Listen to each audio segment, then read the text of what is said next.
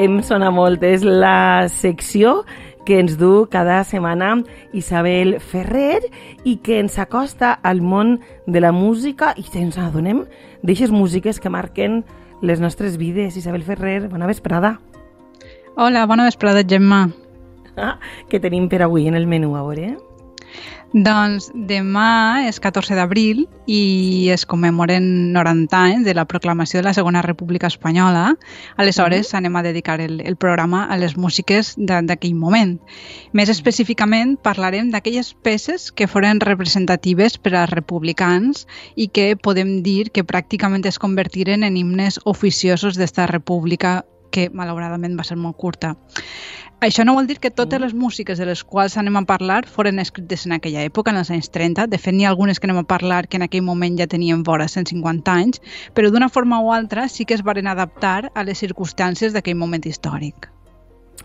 Eh, a mi m'has dit això, estàs explicant tot això i m'ha vingut al cap l'himne de Riego. Sí, sí, parlarem de l'himne de Riego, entre altres. De fet, aquestes músiques que ja venien escrites d'abans, com l'himne de Riego, foren molt útils a l'inici de la Segona República, que, com se sap, això va néixer el 1931 per un procés democràtic, i foren molt importants les músiques d'abans perquè la República va estar molt construïda sobre el suport popular, perquè en aquell, en aquell moment hi havia moltes persones encara que no sabien llegir i escriure. Aleshores, per a divulgar les idees republicanes, la música i la transmissió oral foren imprescindibles per a crear consciència política ciutadana, tant per a aquelles persones que no coneixíem les idees republicanes com per a aquelles que, que ja les coneixien però la música, clar, es donava una força impressionant. I com, com es duia a terme això? Com tenia lloc aquesta difusió de les músiques? Doncs a través de tot un entramat, una, una extensa producció que era tant discogràfica com editorial. Ben pront es van començar a enregistrar discos que contenien aquestes obres, no? Eh, que, que s'identificaven amb el sentiment republicà.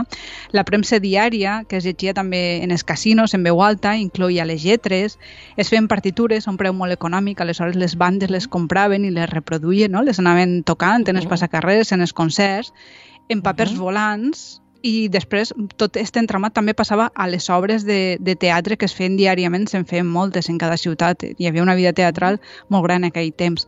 O sigui, era tot com, com les xarxes socials d'avui dia, però en aquell temps, de forma que la transmissió oral era la forma més comuna de, de, de passar el coneixement de forma ràpida i efectiva. Clar, clar. Eh, doncs anem a la primera obra, si et sembla. Perfecte. Marchemos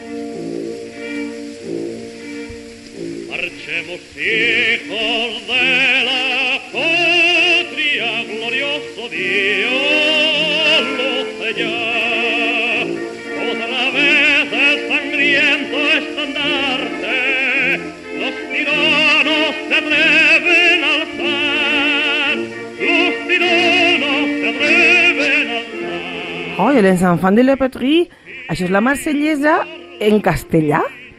E Efectivament, és, és un enregistrament de l'any 32 que òbviament és una peça més antiga però va ser molt utilitzada en els inicis de la Segona República Espanyola perquè s'identificava amb la Revolució Francesa que s'identificava perquè era una revolució feta del poble contra l'opressió de la monarquia. No? Aleshores, eh, durant aquest inici de la república, l'any 31, hi ha molta gent, gent major si, que encara viu, que recorden eh, que en, en saber-se els resultats electorals del 1931, és molt, en moltíssims dels nostres pobles la banda va eixir al carrer amb la bandera tricolor, amb el barret frigi, uh -huh. imitant a la república feta dona, no? I uh -huh tocaven esta peça perquè transmetia tot aquest valor revolucionari entre la població. De tota manera, com passa molt sovint, que ho expliquem molt, en sona molt, l'origen de, la, de la peça, en, en el seu temps, en el segle XIX, estava molt lluny d'esta revolució del poble. A veure, expliquem un poc això. doncs és, la, la Marsellesa en realitat és una canció patriòtica feta per sí? un cap militar francès que el que volia en realitat era animar els militars que anaven a lluitar al front contra els alemanys a, a finals del segle XVIII, molt al final. Per tant, en principi no tenia res ni de revolucionària ni d'antimonàrquica. Es van anar posant de moda gràcies a una melodia molt fàcil de recordar i amb una lletra que s'acabaria identificant amb la defensa dels ideals de la Revolució Francesa, d'igualtat, fraternitat i llibertat. En realitat l'anomenem marsellesa perquè Sí. un altre militar, al cap de molt poc de temps, eh, que portava uns militars marsellesos, la coneixia i el se la va fer aprendre i van entrar a París cantant-la. I d'allí a- ja la fama.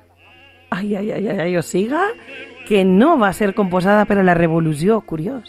No, no, era una cançó patriòtica feta per un militar del rang que va acabar sent antimonàrquica.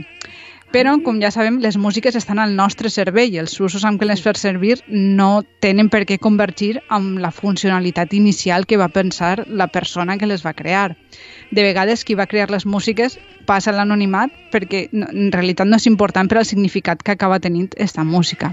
Per exemple, també en la República, molts passadobles passaren a tindre significats no previstos pel, pels seus autors i a participar de la causa. Després en parlarem un poc més d'això. Sí, perquè ja tenim així la segona de les músiques preparades per avui. Escoltem. Serenos, alegres.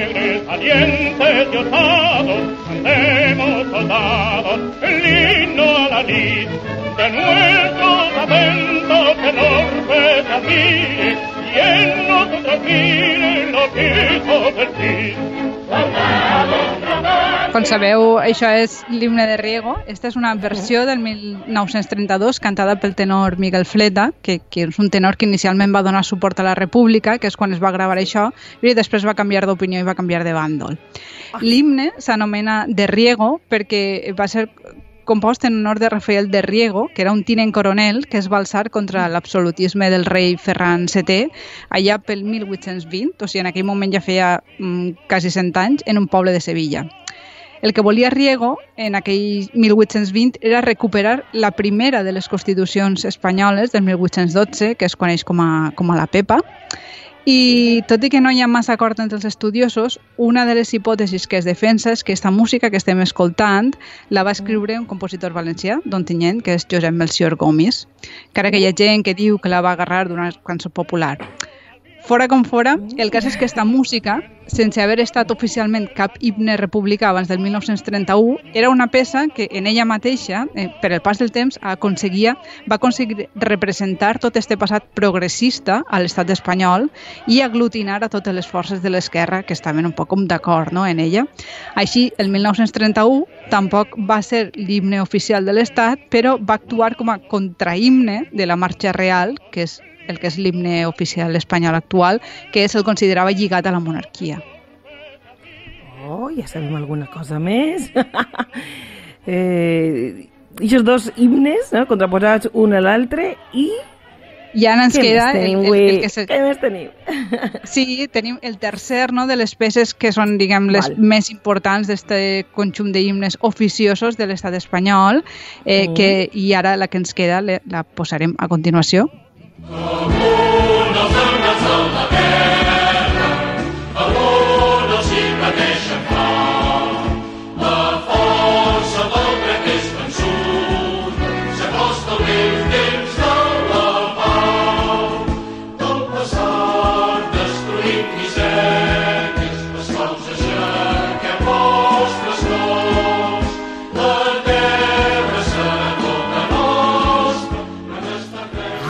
ja saps, la internacional, però estem escoltant una versió en valencià, en català. Sí, sí, sí, és, és una versió que la més coneguda així és en castellà, tot i que l'original és en francès, ara en parlarem, però l'any 37 Maximilià Tous i Horts eh, en va fer una versió en valencià que aquell any era quan, quan València, durant la guerra, va ser mm, uns mesos capital de la República. Clar, Sí, sí. de tota manera, com he dit, és només una versió, perquè l'original, òbviament, està en francès, perquè va néixer allà, i la història és la següent.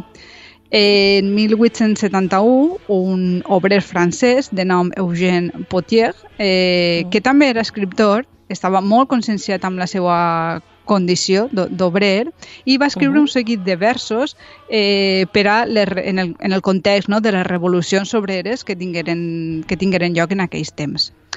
Passaren quasi més de 20 anys i el 1888 un altre senyor, que li diuen Pierre de Jeté, mm, que era un músic de la ciutat belga de Lilla, es va sentir molt atret no, per estos versos de Potier.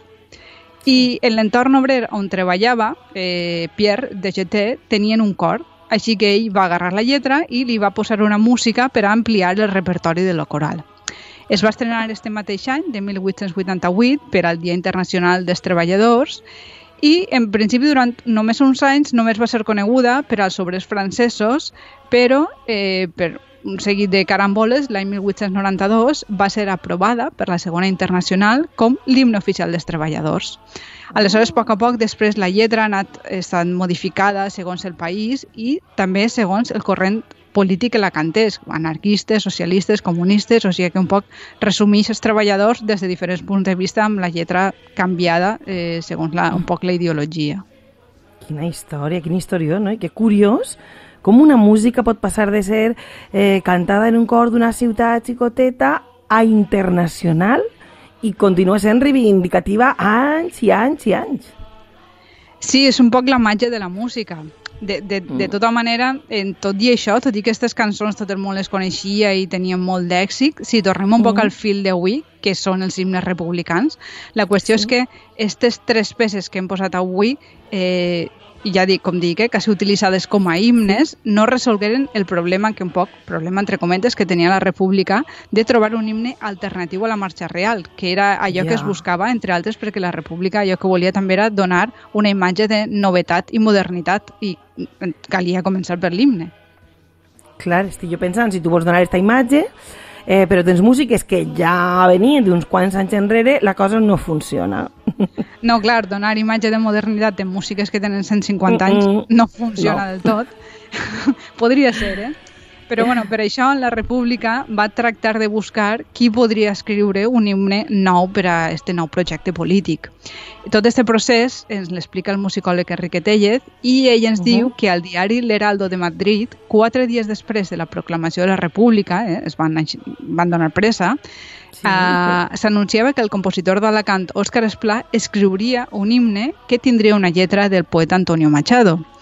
Este himne finalment es va titular Canto Rural a Espanya i sona així.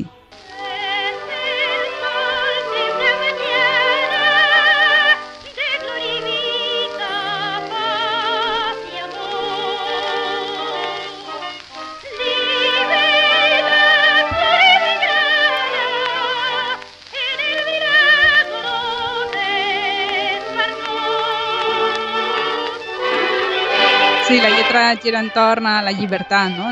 I, i mm. en, perquè en aquell moment tant Esplà com Manuel Machado eren unes personalitats que tenien un ampli reconeixement entre els intel·lectuals del seu temps. Aleshores era com que tot el món podia aparentment estar d'acord en que foren els autors d'un nou himne.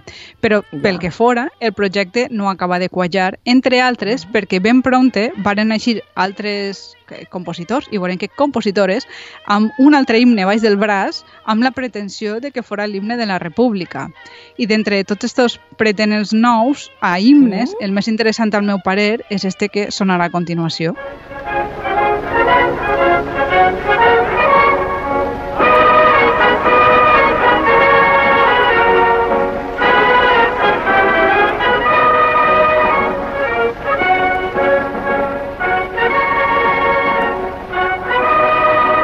que escoltem és, di, és un himne que es titula 14 d'abril i va ser escrit sí? per la compositora Adela Anaya i el seu germà fos l'autor de la lletra. Es va estrenar de forma molt paral·lela al que hem escoltat abans, que és el, el d'Òscar Esplà, i uh -huh. tot i que inicialment ella ni els, no tenia tant de suport, eh, ella es va preocupar molt de, de recabar-nos no? este suport de les autoritats. Aleshores, uh -huh. l'acte on, es, on es feu famós eh, l'himne va ser una interpretació en la plaça Monumental de Madrid, i això ho sabem, a més d'algunes resenes en premsa, per una cosa molt curiosa que explicaré a continuació, que és que que eh, hi havia un, un, una cosa que s'anomenava Noticiero Fox, que, que en esta companyia eren uns noticiaris sense narració que informaven de successos polítics a nivell internacional. Doncs des de la Fox ho van enregistrar, l'acte en el qual eh, ella dirigia l'himne en esta plaça monumental. El cas és que l'enregistrament eh, en vídeo, eh, no en so, en vídeo, es donava per perdut eh, des de l'any 1936 fins que reformant, atenció, la casa on havia viscut l'alcalde del poble natal del primer president de la Segona República, que era Niceto Alcalá Zamora, o sigui, una, una casa perduda, es va trobar amagada entre les parets una còpia del vídeo que suposa que s'havia amagat per el franquisme per a que no el trobara. I aleshores una d'aquestes seccions d'este documental de, de la Fox era recull l'actuació de la compositora de la Naya dirigint ella el seu propi himne amb una banda, una coral, amb una plaça de bous i se la veu a ella amb, amb una bandera republicana i és la veritat és que és un document magnífic. Mirad en la boca oberta, quina història de pel·lícula, de novel·la, de tot. Sí, sí, totalment. I, totalment. I es pot veure d'alguna manera, no sé, en alguna plataforma... Esta si busqueu el documental per internet, jo l'he trobat penjat a, a fragments, que és allò que hem, hem, hem escoltat. És un document extraordinari i, i a més és, és molt potent no? per això, no? perquè apareix ella dirigint, onejant la bandera, molt de públic, eh, i de fet tenia molts números per, esdeven, per, per a que esta peça 14 d'abril pogués esdevenir himne pel fet perquè Adela Naya era una dona no? i ajudava a potenciar aquesta uh -huh. imatge que la república podria haver donat no? de modernitat. Però també pel que fora la cosa no va anar endavant. Es va, després es va convocar un concurs, eh, es van treure algunes disposicions confuses en referència als himnes, però finalment un poc es, es va deixar com l'himne de Riego sense fer-lo oficial, però com d'una forma temporal, i ella es va quedar. No es va fer mai oficial, però un poc va actuar com això. Després hi havia altres cançons, com Hijos del Pueblo, A les barricades, que, que també acabaven funcionant un poc com a himnes o com a cançons emblemàtiques, reivindicatives, eh, però de tota manera musicalment es va seguir funcionant eh, així, no? de, de la mateixa manera fins, eh, ja ho sabem, fins el 1936 i, bueno, i després en l'esclat durant la, la guerra fins, fins el 1939, que òbviament totes aquestes músiques foren absolutament prohibides. Això pel que fa als himnes o als temes musicals representatius d'aquest període, moment polític. A banda, històricament hi havia altres moviments musicals que suposa que serien els populars també que acompanyarien la vida de les persones. Oh, sí, interessant. Clar. Sí, sí, paral·lelament hi havia, òbviament, tot un moviment de música de ball, de, de música escènica, que, que també anava tornant-se en la de ball, no? de pas dobles, de músiques populars, i també de músiques d'avantguarda, que és un altre gran mm. tema, perquè fins i tot la, la República va ser capaç de muntar en plena guerra campanyes operístiques per a, perquè tenia com la voluntat no? de, de fer arribar aquestes obres més grans al, al poble. Per això ja et dona per un altre... em sona molt anava a preguntar-te pel cuplé, però clar, de n'has anat a l'òpera i dic, igual ara jo quede massa del... del no, no, el, el cuplé estava, estava, estava totalment... Sí, sí, estava totalment encara de boga, inserit mm -hmm. dins de les revistes i ja començava, el que passa és que ja començava a mudar amb el, un poc el que coneguem com a copla, que sempre ah. s'ha dit que és una cosa que pertany al franquisme i en realitat no és cert, és una cosa que ve d'abans. El que passa mm -hmm. és que el franquisme fa una maniobra d'apropiació i diu, bueno, esta música que agrada absolutament a tot el món i que canta i reprodueix tot el món, tant eh, homes com també, al revés, dones com també homes, eh, se l'apropia i la utilitza per a, per a les seues finalitats, no? Però la copla ja un poc ve, ve d'abans i, i es mescla amb el copler. Ay, Isabel, qué chulo, qué interessant, com sempre, ah. cada setmana, saber, eh, pues això, de, de, de la música i de la història que van tan, tantíssim de la mà. Doncs moltes gràcies i a veure què ens sorprens la propera setmana. Gràcies a vosaltres. Fins la propera Forta setmana. Abraçada.